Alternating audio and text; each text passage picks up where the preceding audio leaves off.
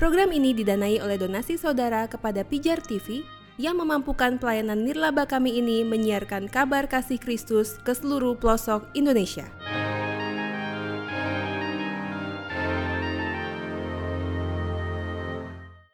Ini ada pertanyaan yang populer yang sering dikemukakan oleh para polemikus muslim terkait pertanyaan mengenai uh, sosok Paulus.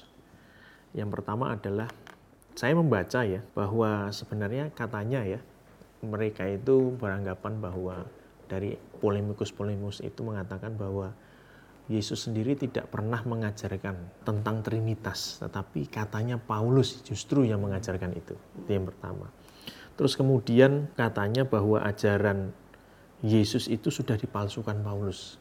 Ini sering berkembang bahkan ini sering menjadi hal yang oh ya tema polemik yang populer gitu seperti itu. Nah, ini supaya mungkin ini menjadi wawasan juga bagaimana caranya terutama untuk saya menjawab hal itu atau untuk saudara-saudara kita yang menyaksikan acara ini, Pak. Iya. Jadi memang tema Paulus itu akhirnya mempengaruhi juga tafsir Islam. Tetapi sesungguhnya kalau kita melihat ya, Islam sendiri sebetulnya mula-mula tidak bermasalah dengan Paulus. Salah satu contoh misalnya, kalau kita membaca tafsir Al-Quran, itu Ibnu Kasir. Ibnu Kasir itu salah satu penafsir Quran. Dia tidak bermasalah dengan Paulus. Beberapa saat lalu itu di internet lagi rame itu di Facebook teman-teman muslim sendiri. Kita orang Islam ternyata menghormati Paulus itu. Rasul Paulus itu. Bahkan kita harus jujur ya. Di buku-buku yang sekarang beredar di kalangan anak-anak pesantren itu masih ada rujukan tentang Paulus itu. Misalnya tafsir yang terkenal di dunia Islam itu tipis tafsirnya namanya tafsir surat Yasin dari Syekh Hamami Jadah. Ini tertulis di dalam bahasa Jawa eh, dengan huruf apa? huruf pegon itu loh. Bahkan ada terjemahannya di dalam bahasa Indonesia. Itu sudah diterjemahkan, diterbitkan oleh beberapa penerbit. Nah di dalam surah Yasin, surat Yasin itu surat ke-36 dalam Al-Quran itu di situ ada ungkapan begini. Wa idrib lahum masalan ashabal karyah. Dan kemukakanlah kepada mereka contoh tentang penduduk suatu negeri. Lalu dalam penafsir Islam ini oleh penafsir itu dikatakan, yaitu terangkanlah kepada penduduk Mekah. Ya Muhammad, terangkanlah kepada penduduk Muhammad tentang apa? Penduduk suatu negeri ashabal karyah wahia intakia. Penduduk suatu negeri itu namanya negeri Antioquia. Itu dalam surat Yasin itu. Tafsiran surat Yasin, sorry. Lalu mereka penduduk Antioquia itu mendustakan utusan Nabi Isa itu.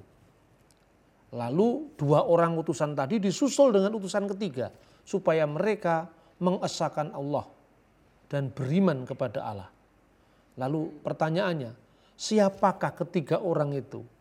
Ini dalam tafsir masih tersebut di situ nama Paulus. Masih tercatat. Masih tercatat. Maka uh, dikatakan dalam tafsir itu Isa alaihi salatu wassalam mengutus dua orang rasul dari kaum Hawariyun ke kota Antioquia. Dua orang rasul itu yang pertama namanya Yahya, kedua Bulus, dan ketiga Samun. Bulus itu Paulus. Makanya kalau kita membaca dalam Alkitab bahasa Arab, Risalatu Bulus Rasulil Awal ila ahli Tesalonika misalnya. Surat Rasul Bulus yang pertama kepada orang Tesalonika. Jadi jelas di surat Yasin tafsirnya Hamami Jadah ini Paulus masuk di situ. Tapi ini tafsir ini berotoritas nih Pak. Ibnu Kasir itu otoritas, itu muridnya Ibnu Taimiyah kok. Artinya kalau orang tidak membaca tafsir yang tebel-tebel kayak Ibnu Kasir ya bacalah misalnya tafsir Yasin yang kecil itu Hamami Jadah. Itu tidak ada bermasalah dengan Paulus. Pertanyaannya mulai kapan Paulus itu dipersoalkan dalam Islam? Kan seperti itu kan? Nah tafsir-tafsir yang sekarang mungkin mengatakan oh yang dimaksud Paulus dalam surat Yasin itu Paulus yang lain ya boleh-boleh saja. Tapi artinya makanya ketika membaca teks-teks keagamaan maupun teks-teks historis itu harus kronologis. Ini tahun berapa munculnya? Ini tahun berapa munculnya? Makanya metode semacam ini juga tidak hanya saya berlakukan untuk Islam, tapi agama sendiri saya, saya kritisi kok.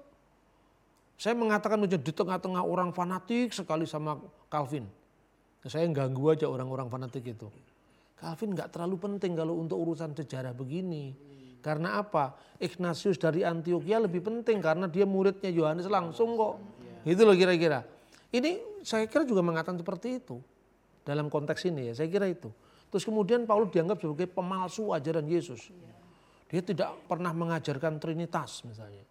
Sekarang pertanyaannya, jangan baca surat Paulus dulu Trinitas tetap ada apa enggak?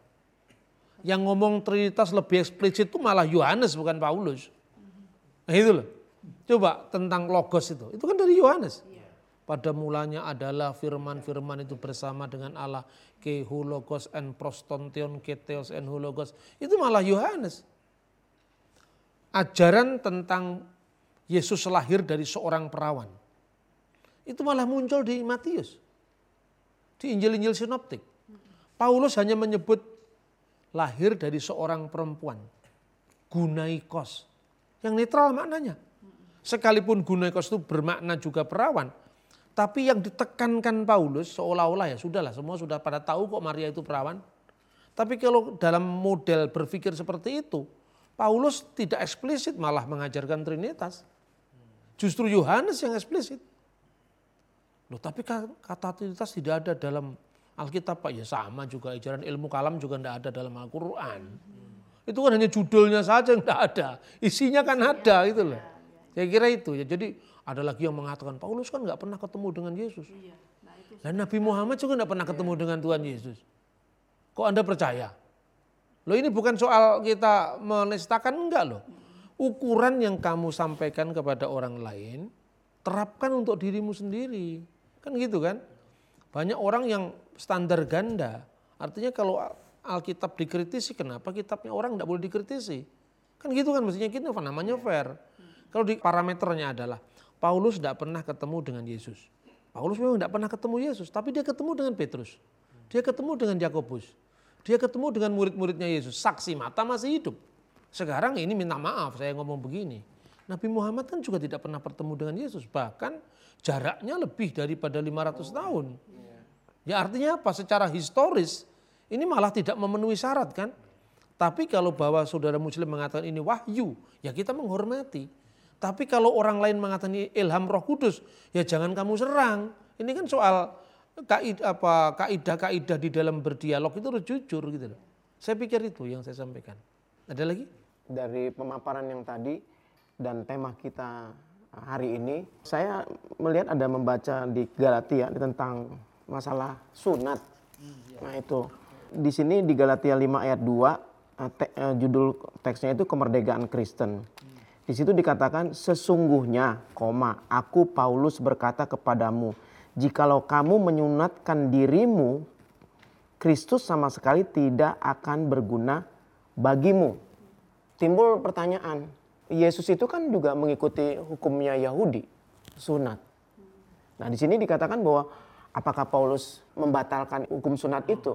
Nah menurut Abah ini kalimat ini kira-kira akan ke mana arahnya supaya pemahaman kita tuh bahwa antara pengajaran Yesus itu dengan Paulus itu sebenarnya nggak ada masalah di dalamnya sebenarnya di situ. Oke, ya, ya, paham, paham. Jadi begini, kalau kita melihat dalam Alkitab ya, kita harus melihat semuanya itu dalam konteks. Tidak bisa kita harus melihat sepotong-sepotong. Konteksnya Paulus berbicara di Galatia itu adalah konteksnya menghadapi munculnya legalisme Kristen yang berlatar belakang Yahudi. Makanya Paulus mengatakan sedikit ragi mengklamirkan seluruh adonan. Itu kan konteksnya Titus disunat apa enggak? Kan itu kan? Nah, ya ditawar-tawar lah supaya mereka jangan nentang-nentang kita terlalu nentang gitu. Yang ditekankan Paulus itu, sunat atau tidak sunat itu bukan menentukan keselamatan kita. Artinya kamu tidak boleh memak, apa tidak boleh mengandalkan keselamatanmu dari hukum kita. Artinya apa? Kamu juga tidak boleh melarang hukum kita. Iya toh? Kan gitu kan mestinya kan? Kayak misalnya tunjukkan di mana Yesus pernah mengatakan akulah Allah, sembahlah aku. Argumentasinya dibalik. Tunjukkan di mana sekarang ayatnya. Aku bukan Allah, jangan sembah aku. Kan sama-sama ndak adanya. Berarti kita serahkan pada konteks loh. Konteksnya apa gitu. Konteksnya Galatia ini orang-orang Yahudi itu minta, orang Yahudi sudah jadi Kristen ini. orang-orang Parisi yang masuk Kristen. Ini minta karena dia sulit sekali melepaskan simbol-simbol keagamaan yang lama. Padahal simbol-simbol itu kalau di mata para penganut Kristen mula-mula itu sudah digenapi pleroma di dalam Yesus Kristus. Karena Yesus itu yang di, yang digambarkan dalam simbol-simbol perjanjian lama itu. Makanya Paulus mengatakan, jikalau kamu menyunatkan dirimu, Kristus tidak ada gunanya untuk kamu. Itu maksudnya Jangan kita memberi ruang terlalu banyak. Nanti kalau dia minta lagi, minta lebih lanjut lagi. Ya toh, nanti minta lagi dituruti, minta lagi lagi sedikit lagi mengklamirkan seluruh adonan. Jadi teks itu kalau dibaca oleh terjemahan secara dinamis, misalnya di dalam bahasa Indonesia masa kini, jikalau kamu menyunatkan dirimu untuk maksud keselamatanmu, Kristus tidak ada gunanya bagimu. Jadi yang dimaksud sunat ini sunat untuk keselamatan. Tapi kalau sunat dalam pengertian wajar nggak apa-apa. Maka contohnya kita lihat di kisah Rasul pasal 16 ayat 1 sampai 3. Di situ saya baca. Paulus datang juga ke Dirbe dan ke Listra. Di situ ada seorang murid bernama Timotius. Ibunya seorang Yahudi yang telah menjadi percaya. Sedangkan ayahnya seorang Yunani. Timotius ini dikenal baik oleh saudara-saudara di Listra dan di Ikonium. Ayat 3. Dan Paulus mau supaya dia menyertainya dalam perjalanan Paulus menyuruh menyunatkan dia. Karena orang-orang Yahudi di daerah itu sebab setiap orang tahu bahwa bapaknya adalah orang Yunani. Pertimbangan Paulus di kisah Rasul berbeda dengan pertimbangan Paulus di Galatia. Galatia. Karena apa? Apabila Timotius tidak disunat sementara orang tahu bahwa ibunya seorang Yahudi yang telah menjadi percaya dan di situ ada banyak orang Yunani dan ayahnya orang Yunani. Eh jangan mendengar beritanya orang yang diucapkan oleh orang yang tidak bersunat. Ayahnya dia orang Yunani. Jadi batu sandungan. Jadi kita membaca Alkitab mesti dalam konteks. Terus kemudian, apakah gereja pernah melarang sunat? Saya harus kasih informasi. Di gereja koptik ortodoks, anak umur 40 hari sebelum dibaptis disunat. Sebelum dibaptis disunat, 40 hari itu. Kenapa? Karena sunat itu perjanjian ilahi di zaman perjanjian lama. Di perjanjian baru simbolnya diganti baptis toh. Jadi baptisan yang dipertahankan, tapi sunat dipandang sebagai taharoh, apa kebersihan, membersihkan. Dan ternyata anda harus lihat, tradisi sunat itu sudah muncul di Mesir sebelum Abraham.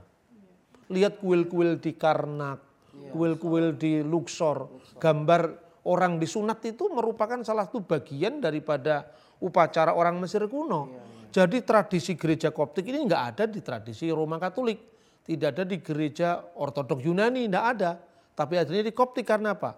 Menunjukkan bahwa gereja punya akar dengan budaya lokal. Di mana gereja tidak tercabut dengan budayanya. Tapi tidak ada orang Kristen Koptik yang mengajarkan sunat sebagai syarat keselamatan. Enggak ada. Iya, iya, sunat enggak sunat itu enggak menentukan keselamatan kita.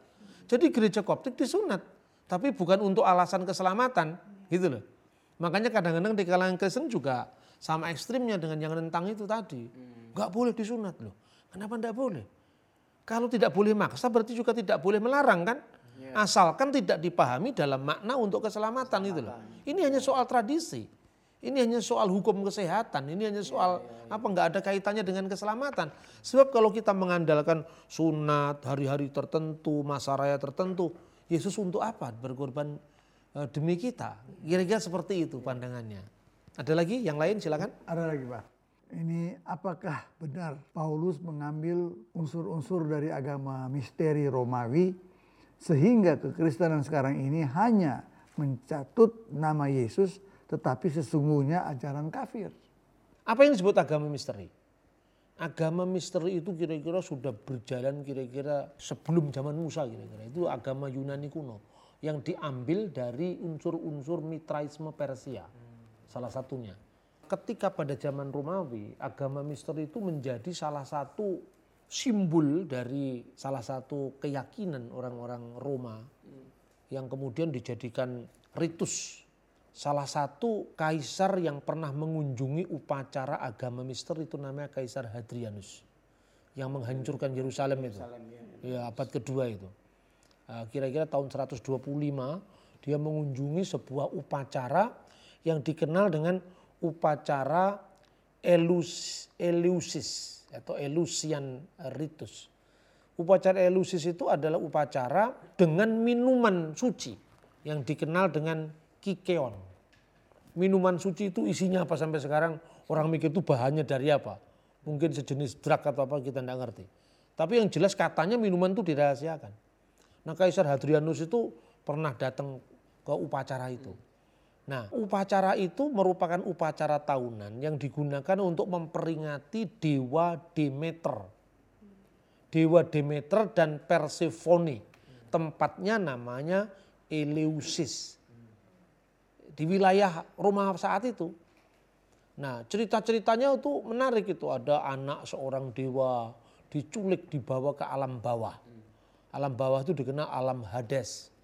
Nah, nanti orang-orang yang ini hobinya orang-orang barat yang tidak tahu akar sejarah ini nanti mengkaitkan lah ini kan alam Hades itu ada di perjanjian baru.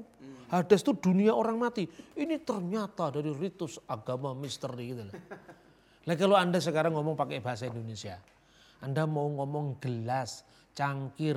Kalau yang ngomong itu sebelum zaman Kristen, oh itu pemujaan kepada ritus yang memakai gelas suci masa ya begitu. Hanya gara-gara istilah itu dipakai sama suku Dayak yang agamanya bukan Kristen. Ya, karena agama itu kan memiliki dasar budaya. Tidak pernah ada wahyu di ruang hampa. Ketika kekristenan muncul dengan ide tentang uh, memra. Memra itu firman Allah yang olehnya Allah menciptakan. Itu kan alam pikiran Yahudi. Ya, ya. Tapi ketika diterjemahkan dalam bahasa Yunani muncul kata logos. Itu kan terjemahan. Kayak misalnya kita, misalnya orang Indonesia mengatakan tenaga surya. Itu kan teknologi. teknologi nggak ada kaitannya dengan dewa surya dalam agama Hindu kan? Karena kata surya itu sudah menjadi bahasa gitu loh. Ya. Hades itu alam dunia orang mati terjemahan dari kata Seul dalam perjanjian lama bahasa Ibrani. Tapi tidak berarti bahwa istilah itu muncul dengan idenya juga harus diambil alih gitu loh. Kita mesti paham seperti itu. Jadi apa tadi pertanyaan tentang agama misteri itu sebetulnya agama-agama yang sebetulnya bentuk sinkretisme juga. Jadi itu ada mitra Persia. Mitra Persia itu menggambarkan bahwa dewa mitra itu lahir dari sebungkah batu. Nah, misalnya. Terus uh, dia ada dewa yang mengalahkan kerbau sampai kemudian uh, dewa itu hidup kembali.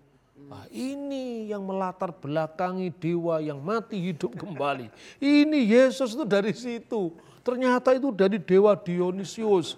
Ini mitra ini yang mendasari Natal itu Sol Invictus. Lah orang hanya membaca judul-judulnya. Tidak pernah membaca detailnya seperti apa. Malah sekarang ini banyak pembohongnya. Nulis buku satu halaman, oh berhalaman, ber, apa, ratus-ratus halaman. Dikasih judul mendung di langit gereja. Ini sudah mau hujan soalnya. mendung di langit gereja. Itu tulisannya orang barat itu. Tapi orang Indonesia itu punya penyakit namanya minder hate kompleks kata orang Belanda. Begitu yang yang ngomong itu orang barat tuh seolah-olah ini mesti orang pintar belum tentu orang bule itu pintar. Yang bodoh juga banyak hanya karena kita tertarik dengan kata John, kata James, seolah-olah paling pintar. Datanya data sekunder. Terus kemudian dalam buku itu dikatakan ternyata kelahiran dari seorang perawan itu berasal dari Dewa Mitra. Gak ada Dewa Mitra itu lahir dari perawan. Mitraisme Roma itu diadopsi dari mitraisme Persia setelah dipengaruhi oleh ajaran Kristen. Nah seperti itu. Ada lagi silakan. Gini bah, beberapa tahun lalu itu saya baca berita tentang terbitnya Al-Quran yang berjudul Miracle Deliverance. Oh ya, Miracle Deliverance. Uh -uh, yang mengakui Paulus sebagai rasul. Cuma karena diprotes, buku ini kan ditarik lagi nih dari peredaran. Hmm. Cuma katanya itu, Bah, disisipi dengan misi Kristen ini. Apa nah, iya? Kristen lagi dituduh. Apa iya, Bah? Kristen lagi dituduh. Katanya ini pasti titipan titipan misi Kristen. Apa hubungannya Kristen dengan tafsir Al-Qur'an? Apa ya mungkin lah orang Kristen titip ya masukkan nama Paulus tak bayar berapa kok primitif sekali pola pikirnya. Justru ini yang aneh bagi saya. Karena apa? Saya punya buku itu, sebelum di Bradle udah punya buku itu. Karena setiap buku baru kan selalu saya beli. Buku itu mengutip dari tafsir-tafsir klasik. Nah, dalam tadi kan kita sudah membaca surat Yasin kan? Dalam tafsiran surat Yasin Yasin itu dia mengutip tafsiran Ibnu Kasir. Jadi bolehlah itu dihapus kemudian dalam edisi berikutnya kan mau ditarik dari peredaran kan. Edisi berikutnya kemudian diganti. Nama tiga orang utusan Nabi Isa ke Antioquia itu adalah uh, Sadik, Saduk, dan Salum. Itu edisi terbaru. Dia mengutip dari riwayat lain yaitu riwayat Tobari. Riwayat Ibnu Katsir sudah dihapus. Mereka lupa sekarang ini era internet. Anda boleh hapus itu di edisi cetaknya Indonesia. Tafsir-tafsir yang di pesantren masih berbunyi Paulus. Dan ini bisa dihapus itu tafsir klasik kok. Anda boleh nggak setuju dengan Paulus di situ. Di dalam tafsir Ibnu Katsir itu dikatakan begini, kira-kira teks Arabnya begini. Eh, Kana ismur rasul lain al awaliyin sam'un wa yuhana wa ismu thalid bulus. Ada yang mengatakan bulis. Jadi dua rasul yang pertama itu, yang utusan pertama itu namanya Simon dan Yohanes. Sam'un wa Yohana wa ismu thalid dan is, nama yang ketiga namanya Rasul Bulus. Ini rasul yang diutus Nabi Isa tadi. Dan sekarang apa urusannya orang Kristen menitipkan apa misinya itu tidak masuk akal itu kan. Tapi ya boleh-boleh lah, tidak apa-apa. Tapi kan sekarang orang tidak bisa orang sekarang Anda kutip saja tafsir Ibnu Katsir itu di Google muncul semua dengan teks Arabnya. Apalagi kalau kita punya font Arabnya itu, kita tulis saja tafsir Al-Qur'anul Azim Ibnu Katsir akan muncul surah Yasin itu ada Paulus di situ. Jadi bahwa nantinya orang Islam kemudian mengembangkan tafsir ini ada dua Paulus ada tafsir yang mengatakan begitu. Paulus yang satu itu yang memalsukan ajaran Yesus. Paulus yang satunya itu muridnya Nabi Isa yang asli. Ya boleh-boleh saja tapi cek and recheck dengan data sejarah. Manuskrip-manuskrip yang ditulis muridnya Paulus itu masih ada sampai hari ini gitu loh. Ini disimpan di mana manuskripnya. Bahkan ketika uh, mazhab Tubingen itu meragu-ragukan Injil itu produk abad kedua sekarang dengan penemuan uji karbon radio orang aktif, naskah-naskah papirus yang ditemukan prakodek sebelum zaman kodek Alkitab itu dijilid ya dan kemudian tiga kolom kodek Vatikanus, kodek Sinaiticus, kodek Alexandrinus itu sudah ada bentuknya papirus. Di antara naskah papirus itu ada yang berjarak hanya belasan tahun dan semua tersedia. Tidak usah jauh-jauh ke Switzerland Naskahnya kan disimpan di Biblioteka Meriana Switzerland. Anda klik saja di Google ketemu kok. Loh, ini kan kita percaya dengan Google, bukan begitu. Google itu sekarang sumbernya dari mana, rujukannya di mana, kode naskahnya apa, kan ada di situ.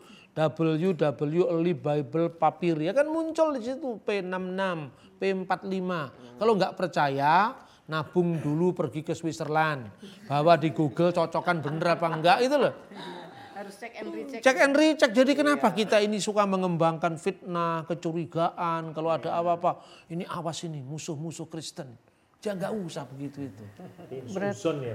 Jangan suudon. Ya, Berarti nggak benar ya, Bah ya? Nggak benar Tidak tafsir betul, Al-Quran ini uh, disisipi misi Kristen. Tidak ada ngisipi itu sebenarnya bayar berapa? Mau ceknya cek and recheck semua ada kok di situ ditafsir kok nggak ada urusannya dengan Kristen.